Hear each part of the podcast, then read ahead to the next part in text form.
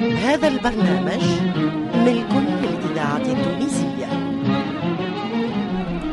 الفرقة التمثيلية للإذاعة التونسية تقدم خير الدين باشا. مسلسل إذاعي من تأليف علي دب وإخراج محمد المختار لوزير.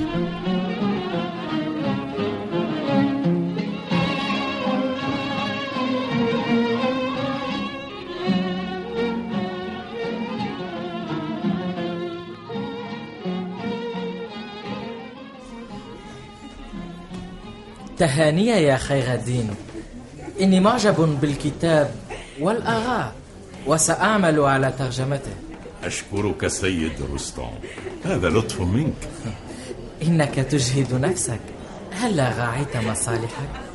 نحن هناك في باريس نذكر هذا الاسم بالتقدير وهذه مجاملة لطيفة منك نعم. بالمناسبة. كيف حال صديقنا فيليب؟ سيصل إلى هنا عما قريب.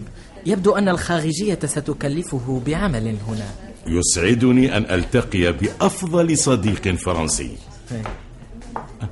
هذه تيتا جاءت. أهلا أهلا أهلا. أهلا. زدت أهنئك وأحمل لك تهاني نسيم أبى إلا أن يرسل برقية؟ هذه البرقية؟ هذا لطف من نسيم هات أرني. أهنئك من كل قلبي وأوصيك خيرا بتيتا. ما بك يا تيتا؟ كلما طلبت السفر عطلني مولانا وأظن بعض الأيدي تعرقل سفري. آه. يا بن إسماعيل. يا بن إسماعيل. بن نعم إسماعيل. نعم. آه هذه تيتا. هل سهلت سفرها؟ تيتا يا عزيزتي تعالي هنا تعالي. سنتفق. آه آه الوزير الأكبر. أيها السادة. أيها الضيوف الكرام. يسعدني أن أمثل جلالة مولانا في حفل تكريم أحد نبغاء تونس. بمناسبة صدور بكورته ولعلكم استمتعتم بأفكار هذا الشاب وموهبته. أه، مهلا يا سيدي أبا النخبة. لدي ما أقوله في شأن أقوم المسالك. ماذا يا جوزيف راف؟ ماذا؟ قرأت الكتاب وعجبت كيف يغفل خير الدين عن الإشارة إلى قانون عهد الأمان. وكيف يغفل عن ثورة علي بن ذهم.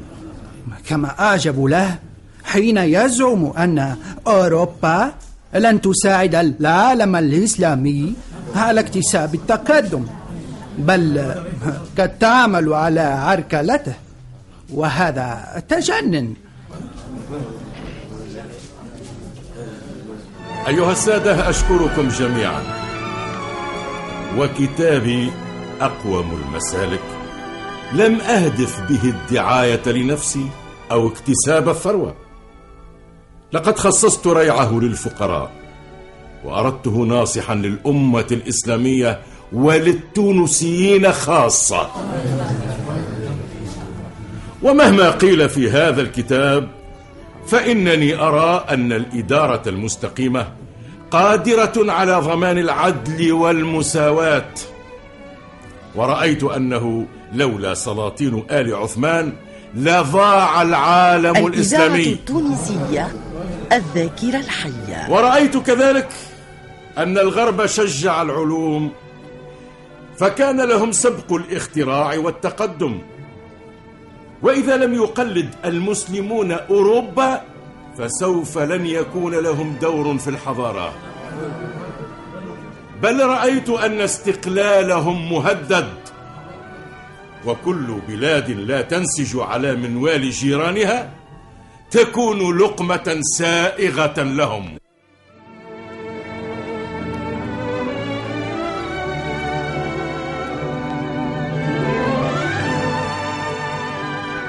أراك أفضل يا جنينة.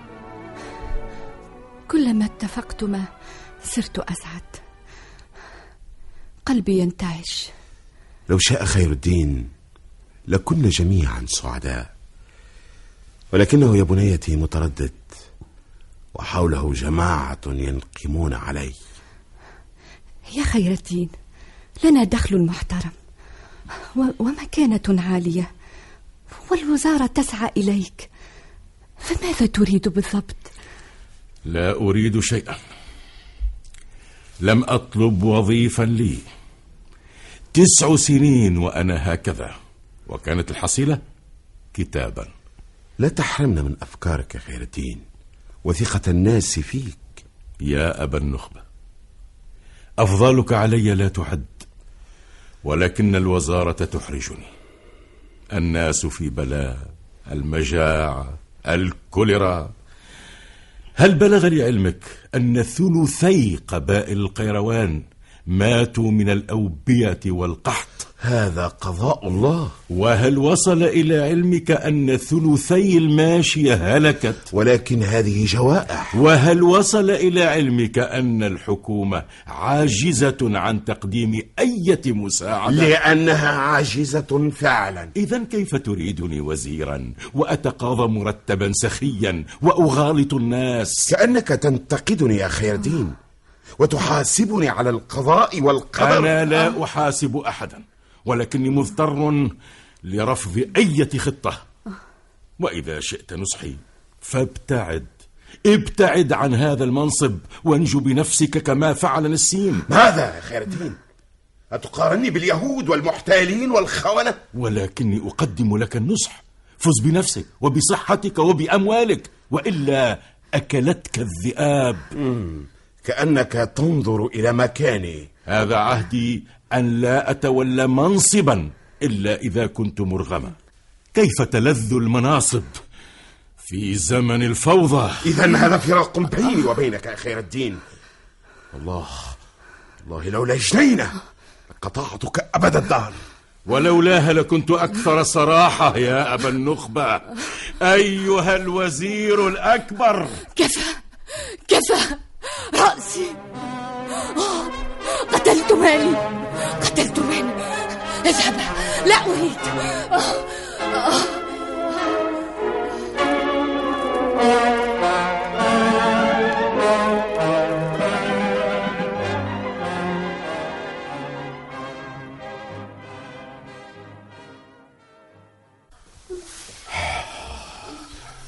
هذا صنيعك يا خير الدين. من ساعة وهي تصارع الإغماء. الأطباء حائرون. ما كنت أود ذلك لولا إلحاحك علي. ولكن فلنتفق من أجل هذه البريئة.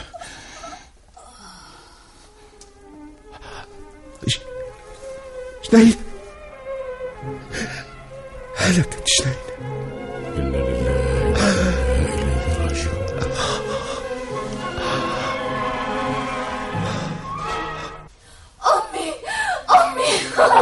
أمي.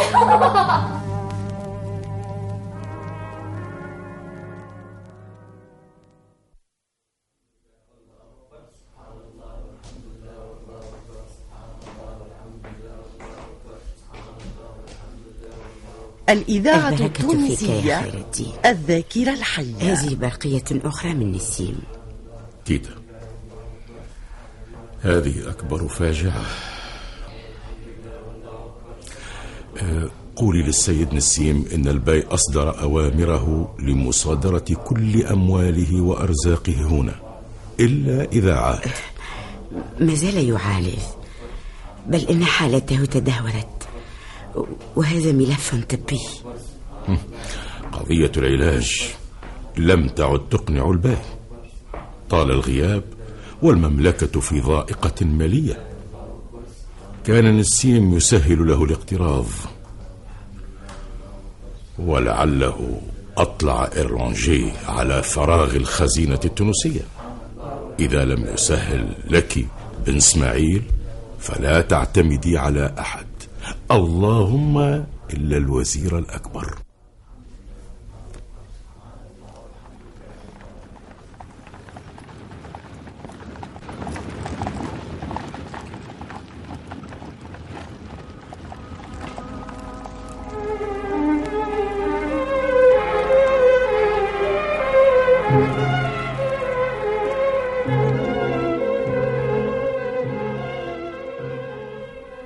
ماذا تقول يا خزندار المجاعة يا سيدي الوباء الجفاف هم أعداؤنا.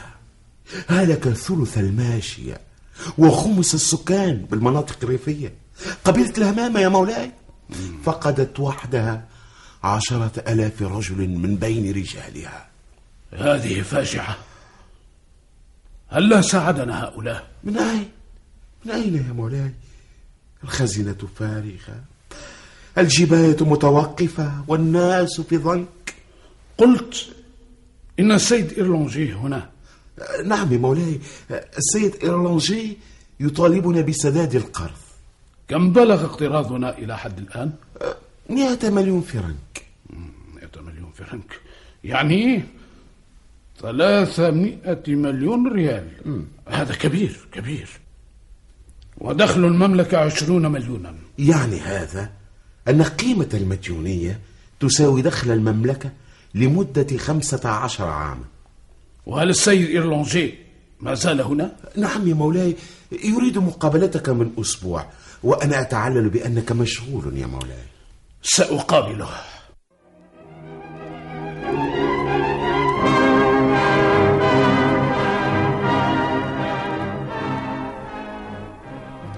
ساعدنا هذه المرة يا سيد إيرلونجي يا صاحب السمو إنني دون بقية الدائنين أطلب منكم مئة وخمسين مليون ريال وهو يساوي الدخل السنوي للمملكة لمدة ثمان سنوات.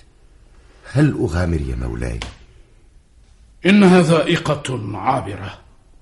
أقرضنا هذا العام ولا بد أن الظروف عفوا يا مولاي عفوا. لن أغامر لن أغامر. أموالي أموالي يا صاحب العظمة.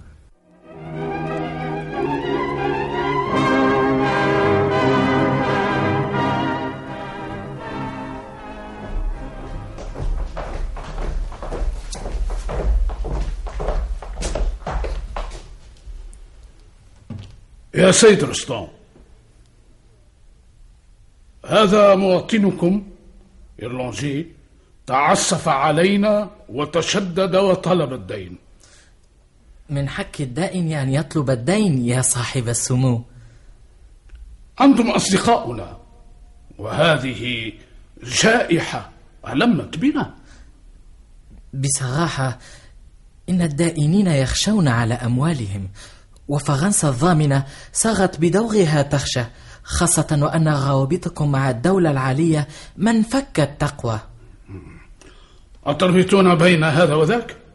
نعم فإذا ما دخلت تركيا إلى تونس أزعجتنا في الجزائر ولربما شجعت على إنكار الدين وماذا نفعل وقتها؟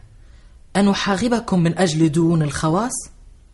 ماذا تريدون بالضبط يا سيد رستم؟ بإمكان الإمبراطور أن يضغط على الدائنين لتأخير الطلبات. وطن. بل بإمكانه أن يلغي الدين كله. يلغي الدين كله؟ والمقابل؟ المقابل أن تحافظوا على استقلالكم وأن تعلموا الباب العالي رسميا بأن لا حاجة لكم إلى الفغمان وأنكم دولة مستقلة. روابطنا العريقة مع الدولة العلية تعود إلى القرن السادس عشر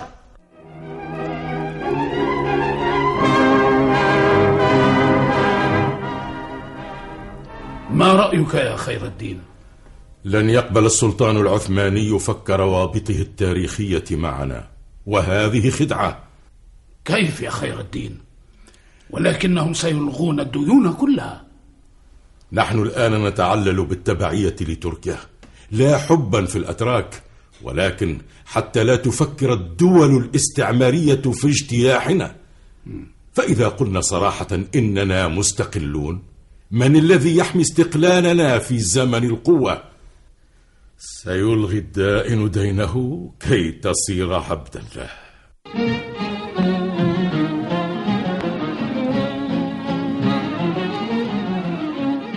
كنتم مع خير الدين باشا. تأليف علي دب. خير الدين باشا مسلسل إذاعي من إخراج محمد المختار الوزير.